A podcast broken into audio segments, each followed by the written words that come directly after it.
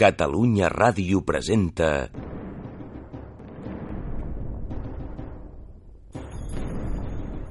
«1714». Els fets dramàtics que van portar a la pèrdua de les llibertats catalanes.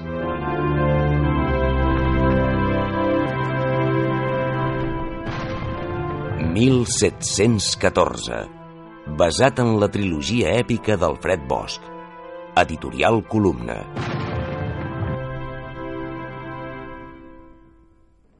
«1714». Amb el suport de la Generalitat de Catalunya.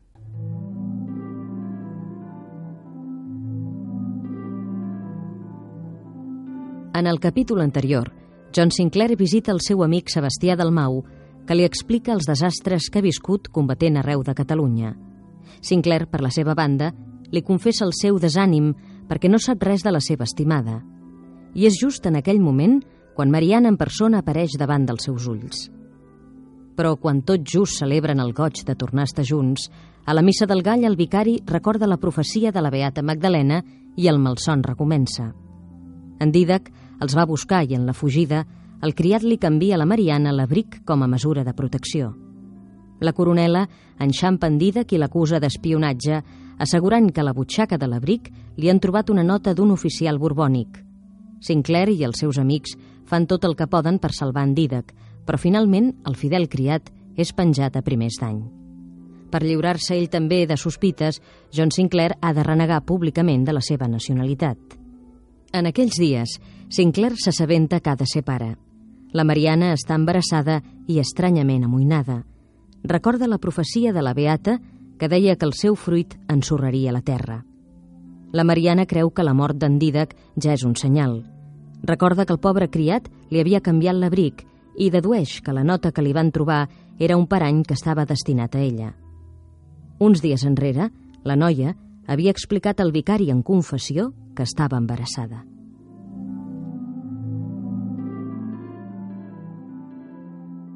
Capítol 22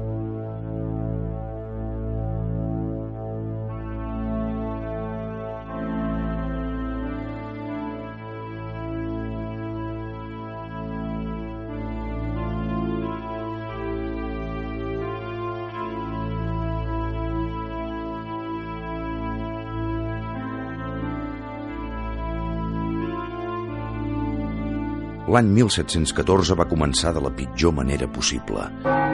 Van penjar en Dídac, un home bo. Ho van fer sense cerimonial. El van portar a la creu coberta, fora muralles, i allà li van nuar la soga i el van deixar en suspens fins que tota la vida, tota la bondat i tot el coratge li van fugir del cos. Jo vaig descobrir com m'estimava la seva companyia callada, el seu ajut ferreny i la seva discreta amistat. Em vaig ocupar de la seva vídua, la Joana i els seus dos nois. El gran en Felipó era viu i llest com una fura. El petit es deia Carles i els noms no eren casuals. El gran portava el nom del rei Felip perquè la data del seu naixement coincidia amb l'entronització del Borbó abans que els catalans el rebutgessin. I el seu germà, quatre anys més jove, havia estat batejat en honor del pretendent rival, l'arxiduc Carles, quan estava a punt d'arribar al país. La Joana era molt religiosa i la claredat del seu pensament la feia tocar de peus a terra. Vam anar a viure tots plegats, la família d'en Dídac, la Mariana i jo, en una caseta del Raval que tenia un hort al darrere.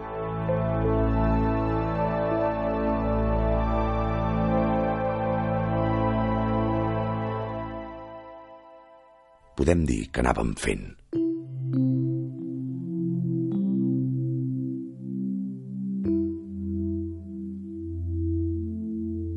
Estava a punt de fer 34 anys i Marianna, el meu amor, esperava un fill.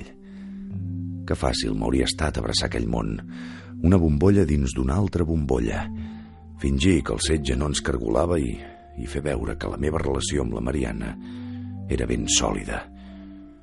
Però l'embaràs no ens havia acostat i jo havia conegut l'Eulàlia.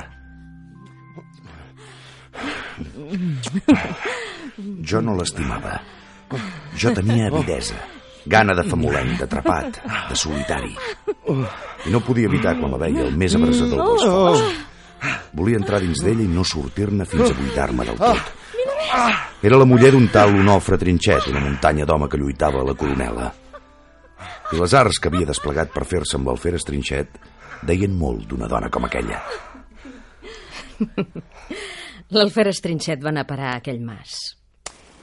I jo li vaig demanar qui era, què feia, per què fugia. Mm.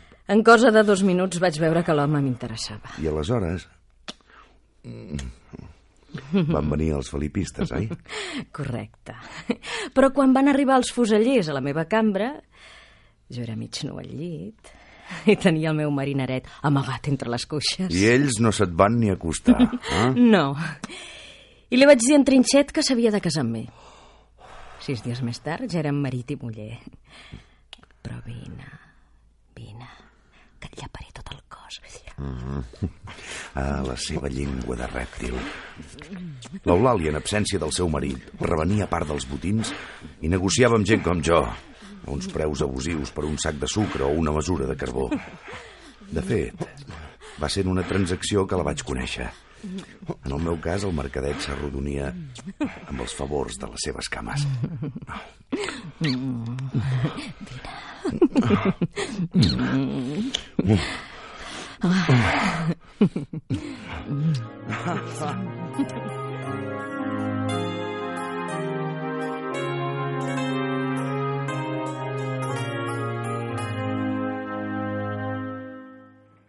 A principis del 1714 també vaig conèixer un home i li vaig demanar que em fes de criat.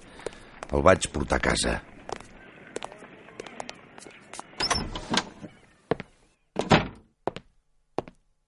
Que tenim convidats. em diuen Joan Alborni. Joan, perquè a casa ja tenien un Josep i un asa i no els va quedar altre remei. Borni? Bé, goita, d'això fa sis anys i ho hauríeu de demanar uns botiflers. En Joan ens farà de criat. Fa unes setmanes que ronda per Barcelona. Ha lluitat a tot arreu i ara li cal un sostre. Nosaltres l'acollim a casa i ell serà el nostre servent. Hem fet un tracte. Mm -hmm. D'acord. El Borni era un home de certa edat, escurat per la gana i gros de mida. Les grenyes brunes se li arrapaven a les galtes i li lliscaven fins les espatlles, no perquè fossin llargues, sinó perquè tenia un coll molt curt. Era lleig com un pecat. I la falta d'un ull potser l'afavoria si l'absent te l'imaginaves igual al present, sanguini i enfonsat. Era un autèntic cíclop. Es quedarà a viure amb nosaltres? Sí, Ninet. Tenim una boca més a casa. Bé, casa. Una cova tenim, oi? Ja coneixeu les dones, no em feu gaire cas. Qualsevol canvi les espanta. Sí, la meva dona era així. Goita, jo crec que va començar a morir quan va veure que hauríem de marxar del poble. De quin poble? De Sant Quintí de Mediona. Però els avalots havien començat a Sant Martí Sarroca, el poble dels meus cunyats. Quan els granaders s'hi van acostar per cobrar els tributs, els vilatans van parar-los una emboscada. I goita, la soldadesca mai no va arribar al poble. Van quedar estesos al camí, la gorja ben oberta. I a partir d'aleshores, tot es va encendre. Van sonar els campanars. Els síndics i els capellans van cridar «Via fora, lladres!» I goita, ja hi vam ser tots. La rebel·lió s'havia estès per tota la Catalunya central. A la capital assetjada, les autoritats discutien amb vehemència el que calia fer. El Consell de Cent deia una cosa, en Villarruel en deia una altra. El diputat militar que si blanc i el governador que si negre. Però si a Barcelona hi havia prou força per aguantar, no semblava haver ni per trencar el setge i assistir als pagesos. No hi havia prou armes, ni prou diners, ni prou concòrdia. Cony, goita, com són les coses? Que amb tots els pobles que hi ha al món, els capdills de la revolta van venir a parar a Sant Quintí. O els vam amagar com van poder. A casa nostra en teníem un parell a l'estable i encara un a la comuna. Eren bona gent, gent com nosaltres. I els meus fills s'ho passaven d'allò més bé amb ells, sobretot el gran, que s'entretenia jugant als números, com jo. Els números? Els números, sí. Però, és clar, aleshores van arribar els soldats. Van venir a milers, tants o més que els que teniu aquí, al voltant de Barcelona. Mm -hmm. Ens van reduir, van entrar a Sant Quintí i van fer fora tothom. Allà mateix van obrir el coll als foranis i després van cremar totes les cases, goita. En poques hores em vaig trobar sense casa i sense rumb, amb la dona i els tres nanos darrere meu. Ja no teníem bestiar, ja no teníem carro, ni estris, ni sostre, ni menges, ni tabac. Així que ens vam enfilar nosaltres i una pila més a les runes de Castellví de Rosanes. Alguna cosa m'ha arribat. Diuen que allà us vau atrinxerar 50 famílies i que vau resistir contra 3.000 soldats. 3.000? Ah, 10 per 10 per 10 per 10 partits per dos. Vam comptar el meu fill i jo. També vam jugar els números allà dalt. I els vam refusar amb pedres i pals i en el cos a cos. Homes, dones i nens. Però, goita, quan vam veure aparèixer els canons, ens vam sentir perduts. Vam esperar la nit i ens vam despenjar per la cinglera. Aquella nit els vaig perdre tots. Els dos menuts es van estimar dalt a baix. La dona va rebre un tret al cap. El gran va rebre dos cops de culata i va anar per terra. Jo no sé ni com vaig poder fugir. A l'albada em vaig trobar amb un grapat de gent entre els matolls, procurant no fer soroll amb els plors i mirant aquella colla de cabrons que muntegaven cossos i em vaig esmunyir fins a Barcelona, on he rondat com un mort en vida. Ara només espero morir matant, perquè si enxampo un dels cabrits, un dels soldats aquells, us ho juro... Estic segur que quan la Mariana sàpiga la vostra història us farà un lloc d'honor a casa nostra. I si jo puc fer alguna cosa, Joan... Ja l'heu feta. Doncs... I us ho agraeixo. Goita, potser encara podreu ajudar-me en dues coses. Vejam, no ho sé, si puc ajudar-vos... La primera és que jugueu els números amb mi. Ah, els números...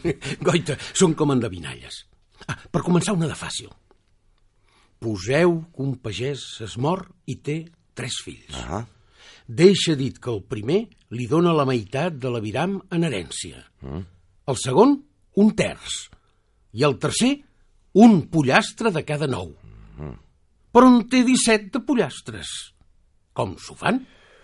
oh, mm, doncs van fent fraccions. Ho van ajustant, una cuixa per aquí, una ala per allà... No, home, no. Els pollastres han de ser vius i sencers. Bé, no tingueu pressa. Penseu-hi, vos que sou un home prou llegit. D'acord, hi pensaré. I la segona cosa? Tabac. Fa mesos que no tasto picadura i estic desesperat. Ja no se'n troba aquí. Potser... No t'amoïnis, Joan. La primera capseta que replegui serà per al meu servent Borni. Que Déu us ho pagui, senyor. Goita! Tornaria un mort a la vida.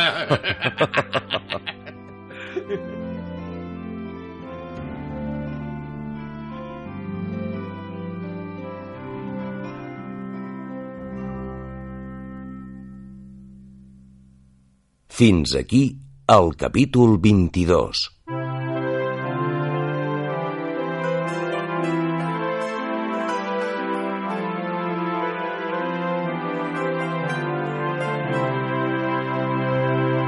«1714» d'Alfred Bosch amb les veus de Pere Arquilloé, John Sinclair, Marta Calbó, Marianna, Dolors Martínez, Eulàlia, Carles Canut, Joan Alborni, Júlia Figueres, Carles. 1714. Producció Helena Corderes. Ajudantia David Pintor. Música original Àngel Martínez. Guió Sílvia Soler. Adaptació radiofònica Sílvia Soler i Dolors Martínez. Muntatge Manel Bernat. Direcció i realització Dolors Martínez.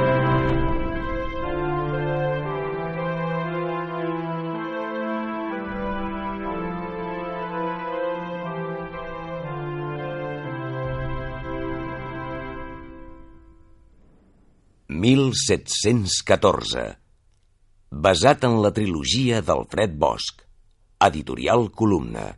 Amb el suport de la Generalitat de Catalunya.